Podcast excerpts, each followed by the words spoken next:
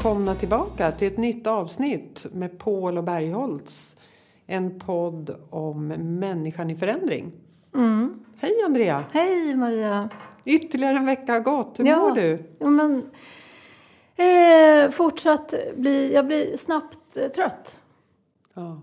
Uthålligheten är inte lång alltså. Jag jobbar 20 minuter och så tar jag 10 minuters paus och så jobbar jag 10 minuter till och sen tar jag 3 minuters paus. Nej men typ, hur mår du? Jag mår eh, bra. Det är jag glad att höra faktiskt. Och då tänker jag så här Andrea, nu när vi, när vi är i dessa kristider eller hur vi nu ska säga. Men, men din business, du blir ju ofta inkopplad till en organisation när det är någon form av kris eller konflikthantering Mm. för att stötta chefen. Vad är det liksom, vad är det du bidrar med? Vad är det du gör i en sån situation? Ehm, men ofta till, till att börja med så brukar jag lägga tid på att ta reda på vilka förutsättningar som går att påverka och vad som inte går att påverka. Och ganska mycket utifrån den konflikten som är då. då. Ehm, och då får man ju reda på ganska mycket av en grupp och av individer. Så stöttningen till, till chefen hamnar ju väldigt ofta sen på eh, själva cheferna eller i, eh, högre upp än vad man säger att krisen eller konflikten är från början. Så att, eh, ja, men då är det lite mer strukturerat att jobba. Alltså med, en, med att hantera en konflikt till exempel. Än vad det är att hantera en kris som en coronakris som bara pågår. Som man inte kan påverka. Ja, exakt. Och det är faktiskt intressant att du frågar så här för att eh, att hantera kris, om vi säger en, en konfliktsituation till exempel i en organisation, i en grupp, mellan några individer. Där kan jag ha hur mycket resurser som helst att plocka fram. Och uthållighet och ork och lyssna och, liksom, och, och vara delaktig under lång tid. Så här. Men sen när det är sån här liksom, kris som den här krisen som vi håller på med just nu i samhället. Då känner jag mig extremt, då, är- då är jag inte så uthållig alltså. Nej. Hur länge har det varit akut för mig? Jag tycker det är sex, åtta veckor. Jag har ju blivit jättetrött. Men du, de här, jag är lite intresserad av de här konflikterna i grupp. Mm, Kan du se någon... va- Vad är det för typer av konflikter i en grupp? Är det, handlar det mycket om så arbetsrelaterade, att jag gör mycket mer än den, det är orättvis arbetsbelastning? Eller vad handlar de här konflikterna om i en grupp? Mm. Eh, mycket så, men också så här, ofta landar det i ganska mycket otydlighet i till exempel mellan ledare, vilka som egentligen ska hantera vad, så att det blir en otydlighet i en grupp. Eh, och sen så utarbetar man liksom arbetssätt ändå att hantera saker på som blir ganska snedbelastat liksom. Där, jag menar, någon kan ju vara mer dominant än en annan och få fördelar av det för att någon annan är konflikträdd, till exempel. Ehm, och, och sen så utvecklas det liksom passiv aggressivitet och någon annan är ganska utåtagerande och sådär. Så att man kanske efter ett tag inte tycker så mycket om sig själv i den gruppen man är. För att man blir ganska krympt. Eller man får en roll som man inte trivs så bra med.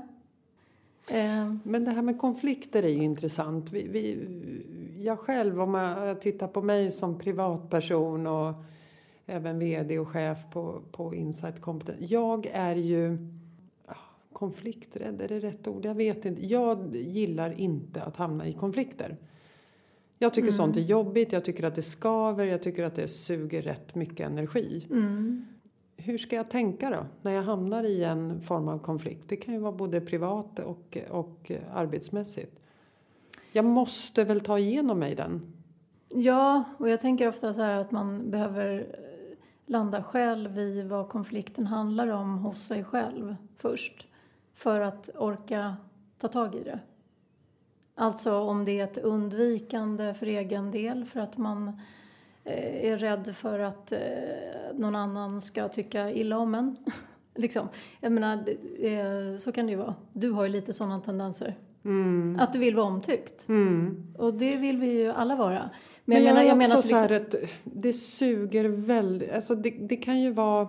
Om mina barn till exempel har en konflikt med varandra. Jag är inte inblandad. Men den, en, att det suger energi. Mm, men det gör det ju. All Även om jag friktion- själv inte är inblandad i det så tycker jag att det... Ja. Ja, Men friktion kostar ju på. Jag brukar tänka så här, eh, du sa så här, ja men man behöver ju ta tag i det. Ja, därför att ofta så blir det en inre konflikt som kostar på ännu mer om man inte tar tag i det. Och det är därför jag menar att ofta kommer man snabbare ur det om man på något sätt tar reda på själv, var är det jag står i det här? Vad är det som är viktigt för mig och varför? Och när man liksom har lite klarhet kring det så blir det ofta mindre jobbigt att ta tag i konflikter. Men det är ganska jobbigt att behöva ta tag i konflikter när man inte har koll på själv var man står någonstans, till exempel. Så det tycker jag är en så här bra rekommendation att inte bara agera för att få någonting löst utan först också ta reda på vad man själv vill ha ut av det. Alltså, vad, är det vad är det här handlar om egentligen? Liksom. Men, eh, men konflikter kostar ju på jättemycket. Och und- är man undvikande så tenderar de ju att ta ännu mer kraft. ja, det är intressant det där. Mm. Men, men hur, hur, hur jobbar du med de här grupperna? Jobbar du liksom väldigt individuellt med cheferna eller jobbar du med hela grupper? Eller hur, hur ser ditt jobb ut? Men sån- till, ja, men det kan vara lite olika, men ofta så kan det faktiskt vara så att man behöver ha lite individuella samtal också med några, därför att, eh, därför att det kan vara viktigt att individer känner att man förstår och har sett och förstått utifrån ett annat perspektiv som inte bara är det som går att prata om i gruppen. Liksom. Så att ofta så kan det handla om individuella samtal också. Men, men sen så, som jag började med att säga, det här med att ta reda på vilka förutsättningar gruppen kan påverka och vad de inte kan påverka, det tycker jag är superviktigt. Därför att, därför att det kan handla om saker som är högsta ledningen, som är otydlighet kring eh, Alltså att det inte går att förändra vissa saker, men att det är väldigt otydligt i hur man hanterar det till exempel. Och då, kan, då, då behöver man ta reda på de sakerna först. Så att, och, så att för- förutsättningarna eh, fokuserar jag ofta på i tidigt skede. Och det är ganska ofta individuella samtal och så grupp. Men det, det, det är ju jätteolika vad det är för, för, för typ av uppdrag liksom. Och vad konflikten handlar om och hur långtgående det är och ehm, ja. Men där tänker jag också att man, man och det försöker vi göra eh, hos mig på Insight Competence, försöker i alla fall jobba lite förebyggande med det här. Att, att man ska våga ta upp saker med varandra innan det blir en konflikt. Mm. Och där har ju jag fått vara med. Mycket. Mm. Och det har ju varit jättebra. Just det här att man, man pratar med varandra som kollegor eller, eh, och, och talar om. Vad är det som är bra med att jobba förebyggande med det? Jag tror inte att det blir så stort när det väl blir en konflikt. För vi vet hur vi ska hantera det. Vi, vi tar upp det innan det blir en bomb. Mm. Och det är det jag försöker jobba eh, mycket med i mitt team. Att, eh, säg när det inte känns bra. Prata med varandra. Men jag Istället försöker- för att man går hem, man är irriterad och det byggs på och det byggs på vecka ut och vecka in och sen blir det en explosion. Mm. Och så står folk och skriker till varandra. Men, ja, bra. men och där kom jag på en sak nu. Så här. Jag, jag försöker ofta jobba med att utveckla färdigheterna i att liksom stå i sina sårbarheter. Förstår du Vad jag menar med det? Berätta. Ja, men alltså att man, det är mycket lättare att nå fram i en dialog mellan eh, individer om, om man kan formulera vad man själv har bidragit med i det. Alltså så här, att kunna vara ganska öppen med att säga så här, ja, men jag vet att jag kan vara lite snabb och säga saker lite ogenomtänkt. Liksom. Jag kan vara lite för impulsiv, det är inte så bra alltid. Och jag fattar att du reagerar så och så på det. Men jag tycker fortfarande så här och så här och så här. Att få människor att kunna stå för sina liksom, tillkortakommanden eller så här, det är ju ingen som är perfekt liksom. Eh, men då kommer man ofta väldigt, väldigt långt. Mm. Jag tänkte på det med det här du sa med din grupp och att jobba proaktivt. Att man liksom, när man jobbar proaktivt, då är det ju mycket, liksom, då kan man ju verkligen jobba så.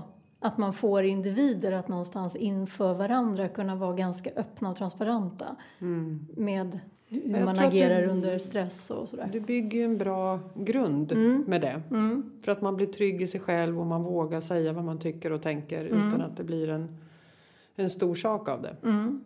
För det leder ju till att det tar, det tar för mycket tid och plats och energi och då tappar man arbetsfart etc. etc. Mm. Nu kommer jag helt plö- plötsligt på att tänka just så här när du, du pratar om det här med styrkor och svagheter i en intervju när man söker, söker jobb. Mm. Då, då förespråkar jag alltid så att det är bättre att man är öppen själv med sina svagheter. Mm. För då har man i alla fall en möjlighet att liksom påverka dem. Ja, men jag är lite allergisk mot det här. Ja, men, men, som du sa, så här, man måste ju vara duktig på att sälja sig själv. Men jag tänkte just så här, vad det är att sälja sig själv. Jag tänker ju att att sälja sig själv är också att sälja paketet sig själv.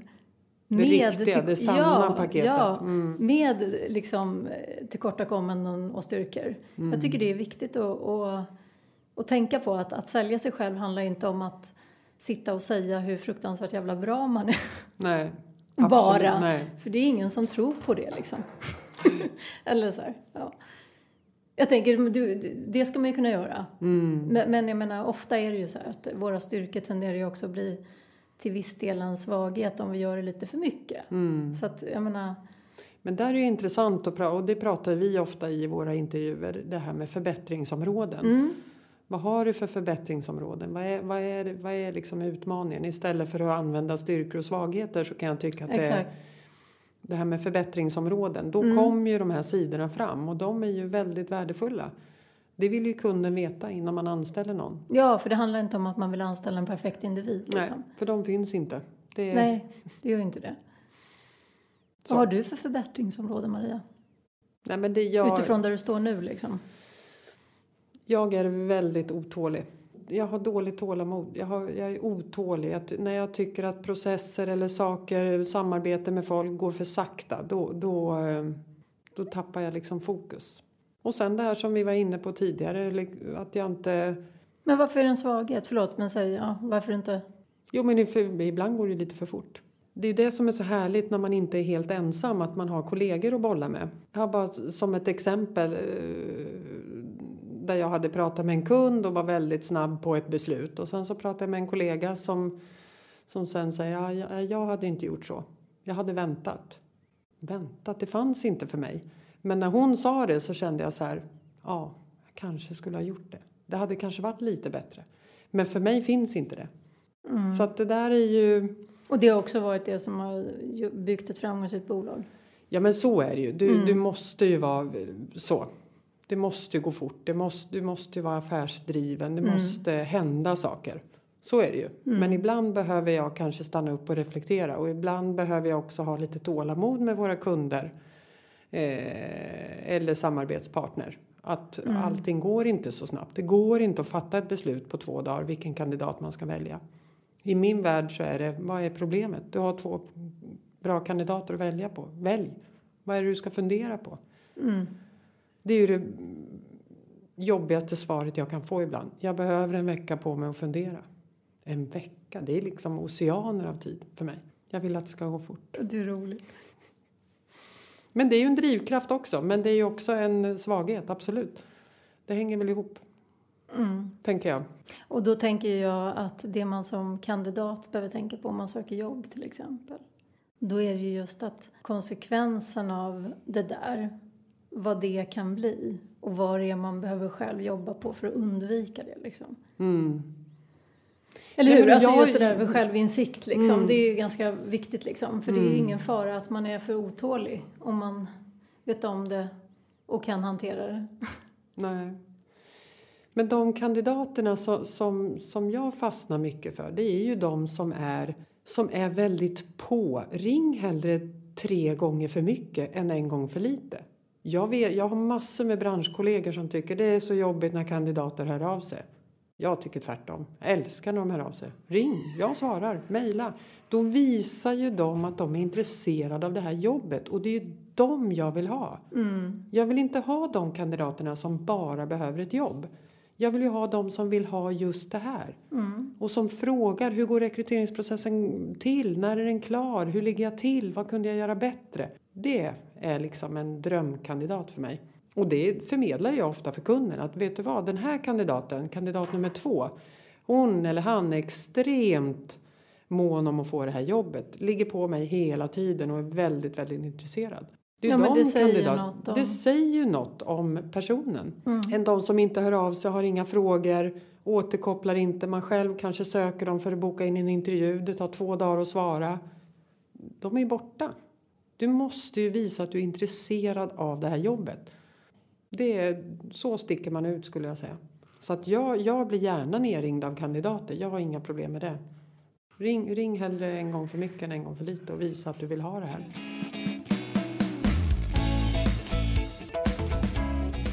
Nu satt jag, nu satt jag och tänkte lite på um, just den här krisen och det du frågade om förut, just det där med psykisk ohälsa kopplat till det också. För att alltså, det finns ju ganska många människor som blir ganska trötta av kris.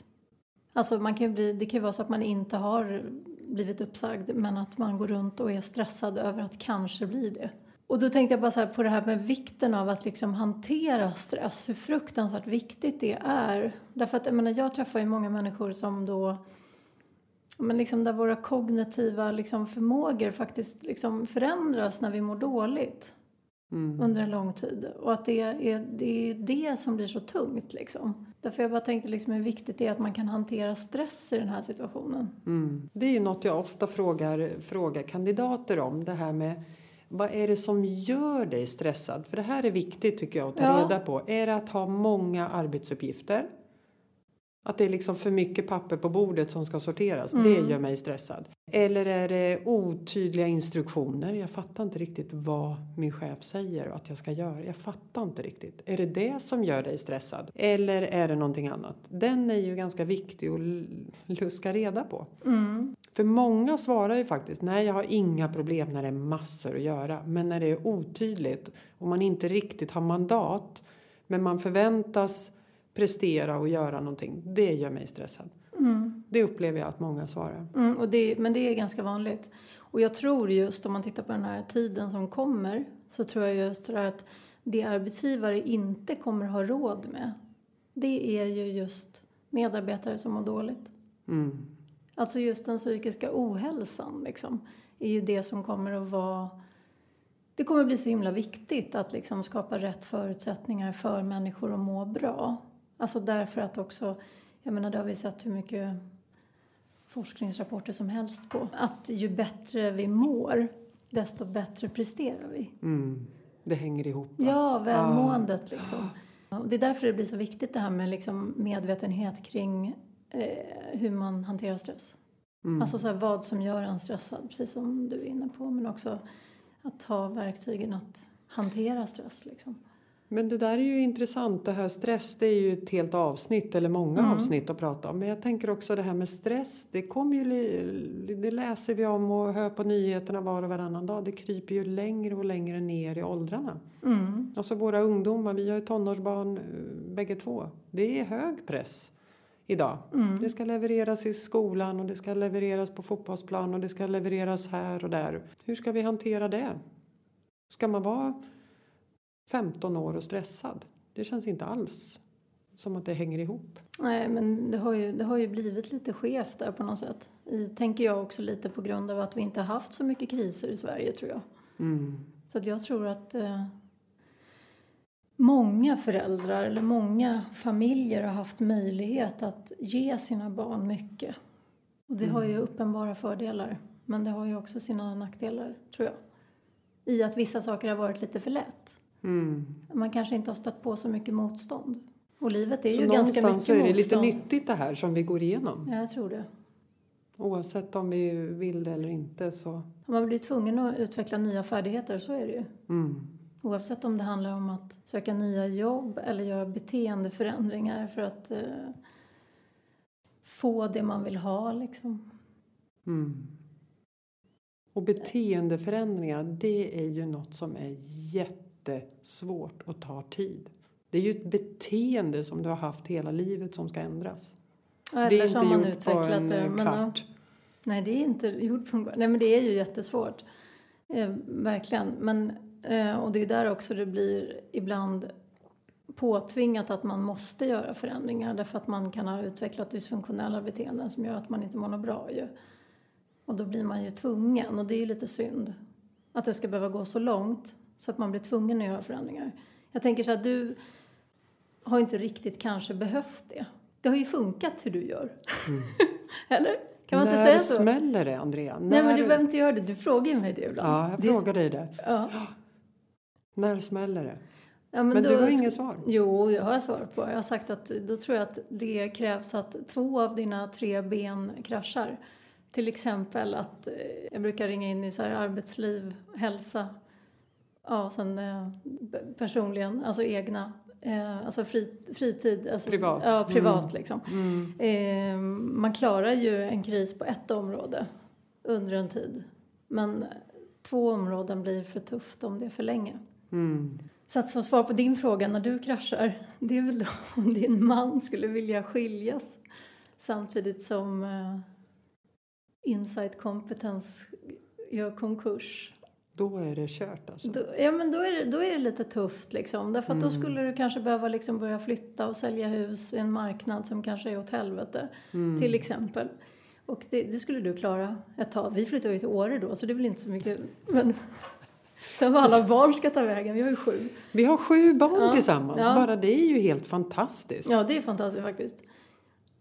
Men, men, där tror jag liksom att du får liksom vara snäll mot din man så inte han skiljer sig. Nej. Eller vi skiljer. Ja. Det ska jag vara. Annars så tror jag att du går ganska skonad genom livet. Ja, skönt. Jag tycker det känns så himla... Man, man får liksom, det är som när man går till naprapaten och, och böjer sig och visar upp sin rygg och han säger det ser jättefint ut. Det räcker för mig. Då blir jag liksom... Ja, check. Och det är likadant när du säger nej men det, det ser bra ut med det. Det verkar bra. Då blir jag liksom lugn och Ja. tänker att nu kan jag tugga på ett tag till. Jag Vad behöver bara få den där bekräftelsen. Mm. Den är skön. Det är bra Maria, det är jättebra. Ja. Som sagt, det är tråkigt när du liksom tvingas in i att man måste ändras för att någonting inte funkar. Det är tuffare. Mm. Men. Men jag är mycket för det här med liksom för... Jag tänker... Och det vet jag kan vara provocerande ibland när man jobbar med mig. För jag... För att ta ett exempel då. Om vi, man är på ett kundmöte, försöker sälja in insight kompetens och sen så kanske vi inte får det uppdraget. De väljer ett annat rekryteringsföretag. Då, kan, då väljer jag väldigt ofta att tänka, vad fasen gjorde jag för fel? Hur kunde jag gjort det här bättre? Medans kollegor eller kanske väljer att tänka att men den där kunden det var i alla fall inget för oss. Alltså det var bara dens fel. Jag tänker ofta hur jag själv kunde ha gjort annorlunda för att vinna det. Mm. Självkritisk. Ja, jag är väldigt självkritisk. Mm. Men, Och har liksom som, som mi- mitt mindset är att hela tiden göra det lite, lite bättre imorgon. mm. Att faktiskt titta på en själv. Jag tror att det är, det är inte alltid alla andras fel. Utan ibland behöver man titta på sig själv. Att hur kunde jag gjort det här annorlunda så att jag inte hamnar i det här? Det är sällan alla andras fel. Det är Eller väldigt sällan. Ja. Oftast är det en kombo. Mm. Nej, det, det, jag tror att det är viktigt att tänka så. Och sen får man inte vara för hård mot sig själv. Det, det är ju lätt att vara när man tänker som jag. Mm. Jag är rätt hård mot mig själv. Mm. Men det är där du också har någon form av att du kan balansera upp med någonting annat. Som är lite mer äh, lättsamt då. Du säger att du kan släppa saker och det är där du får din återhämtning tror jag. Och ibland kan jag älta till förbannelse. Mm. Det är sant faktiskt. Ah. Gud vad jag vet om att det är så Mm. Maria. Du, om någon vet, Mm. att jag kan älta till förbannelse. Men det är då som det blir viktigt det här med eh, att förstå själv var, varför, man har hamnat, varför man hamnar där man hamnar. Mm. För när man förstår det så går det ofta mycket snabbare att sluta älta. Mm. Och hur, alltså, det, här är ju, det här är väl ett typexempel på beteendeförändring. Jag måste ändra mig, eller? Vad då med, med att sluta älta? Ja.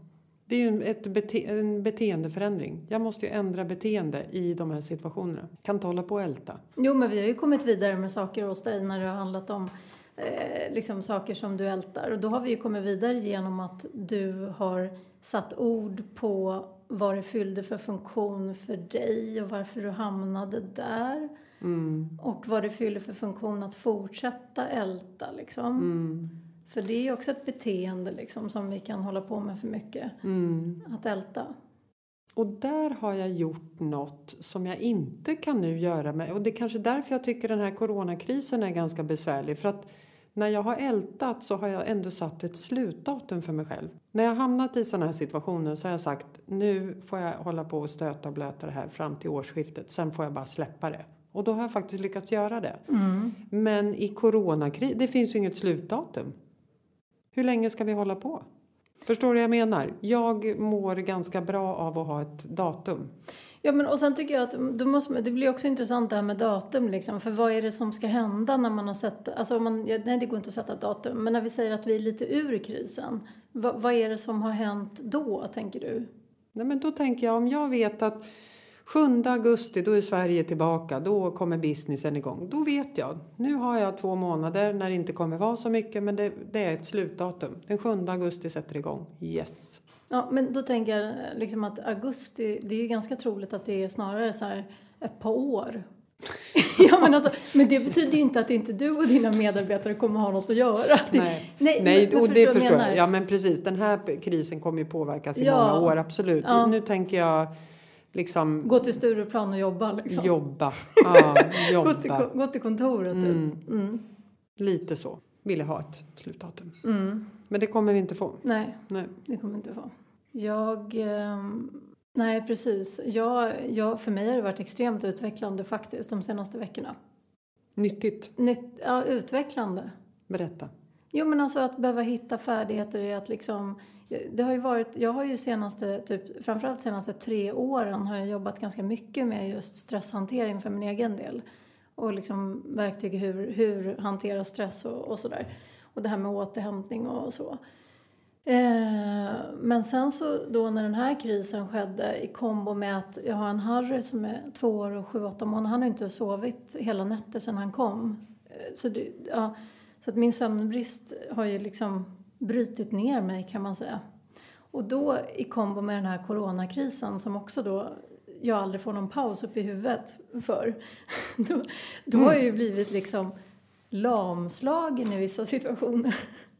Mm. På riktigt liksom. Så här, men när jag säger ta minut för minut och en timme för timme, då, då är det ju allvar liksom. Mm. Ja, och det är ganska utvecklande faktiskt. Det är utvecklande. Ja, så att, och det är ju ofta det som jag hjälper andra att få också. Så det är ju bra att man upplever det själv. Mm. Så att man har något att bidra med till andra, tänker jag. Ja, det är svårt när man inte själv har upplevt det och sätta sig in i en annan person. Ja, men det är det faktiskt. Även om jag tycker ofta så här... Jag hade gärna varit utan många av mina erfarenheter. När du, säger, när du inte förstår mig, när du tittar på mig och säger så här, hur känner du då? När du liksom känner att du blir så här jättetrött så här, eller liksom... Ja, då tänker jag så här, fan vad skönt att vara Maria. Som aldrig är trött. Skulle, nej, nej, det var inte det jag menade. Nej, Som, men som inte liksom lider av så mycket psykisk ohälsa emellanåt. Ja. Men vi lär oss av varandra. Ja, men vi gör ju Det är det. därför vi har hittat varandra. Ja, absolut. Så är det verkligen. Eller hur? Mm. Jo, men jag skulle inte kunna bidra om jag inte liksom var tvungen att gå igenom alla saker själv. Så är det ju. Mm. Mm. Men jag lär mig jättemycket av dig Mm. faktiskt också. Vad, vad tänkte du säga där? Ja, detsamma, tänkte Mm. jag bara säga. Mm.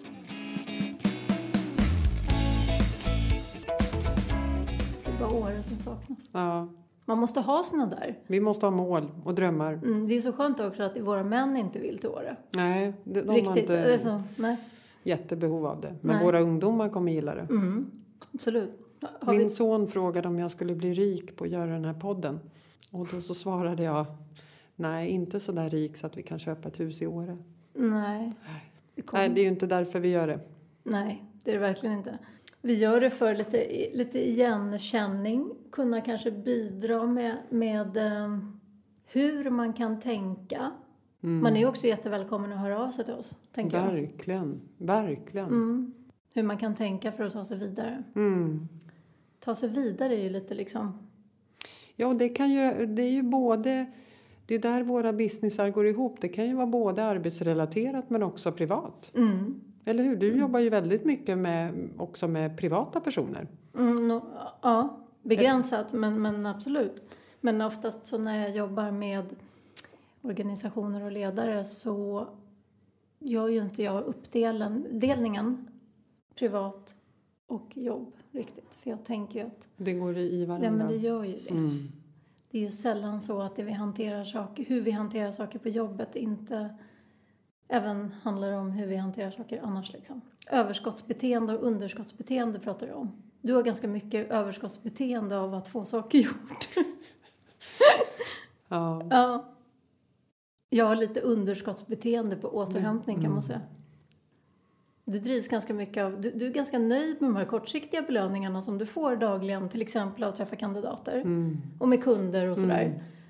Ehm, Du går liksom runt på det. ja. Mm. Det får jag jättemycket energi av. En, Mm. en bekräftelse från en kund som säger att man har gjort ett fantastiskt jobb eller nu har du gjort det väldigt svårt för mig för det är fyra riktigt bra kandidater. Jag vet inte vem jag ska välja. Då Det jag- älskar du. Ja, älskar det. Och då säger jag, det är ju just därför du har anlitat mig. Jag ska inte göra det lätt för dig. Så är det ju. Mm. Nej, det, det, den bekräftelsen. Eller kandidater som är så otroligt tacksamma över att man hjälper dem liksom i sin nästa utmaning. Det är fantastiskt. Mm. Har du någon solskenshistoria? Ja, jag har många. Jag kan berätta om en solskenshistoria. Just det här med att man behöver vara framåt och visa intresse. Det var på min förra arbetsplats. Då kom det upp en tjej. Vi hade, på det kontoret hade vi en hiss som gick direkt upp till kontoret. Och det var lunchtid. Eh, och så kom vår receptionist och, och frågade mig. Du Maria, det, det står någon här i hissen och hon har inte bokat tid med någon. Hon, hon ville bara träffa någon. Och det var ju väldigt ovanligt. För att de flesta bokar ju en tid eh, med en rekryterare. Men jag tog hand om henne, eh, tog in henne i ett rum och hon berättade att eh, hon vill ha ett jobb. Och hon har inte bokat tid med någon här men hon ville faktiskt bara presentera sig och säga hej. Hon var fantastisk och henne hjälpte jag till, till ett jobb och henne har det gått jätte, jättebra för.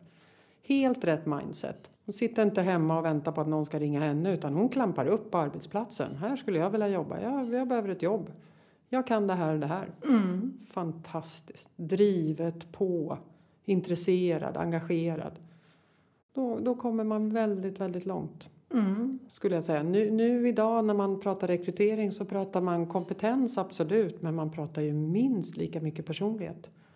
Ja, men absolut. För att Eh, rekrytera in en person som har kompetensen men har fel personlighet. Det leder ju till kan ju leda till jättestora eh, problem för arbetsgivaren. Ja, men verkligen. Och där tycker jag att det är intressant att titta på så här, vad är kompetens? Mm.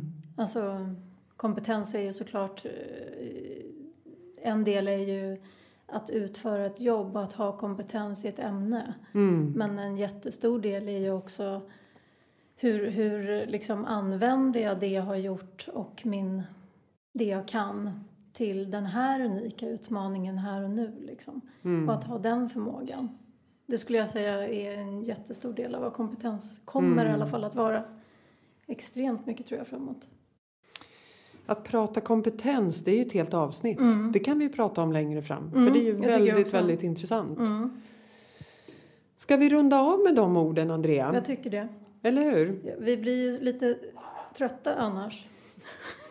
Det är lätt att bli långrandig Ja, när man pratar om såna här ämnen som man eh, brinner för. Ja, men verkligen. Men vi tar och rundar av här och sen så hörs vi nästa måndag igen. Ja, vi gör det. Tack för idag. Tack. Hej då.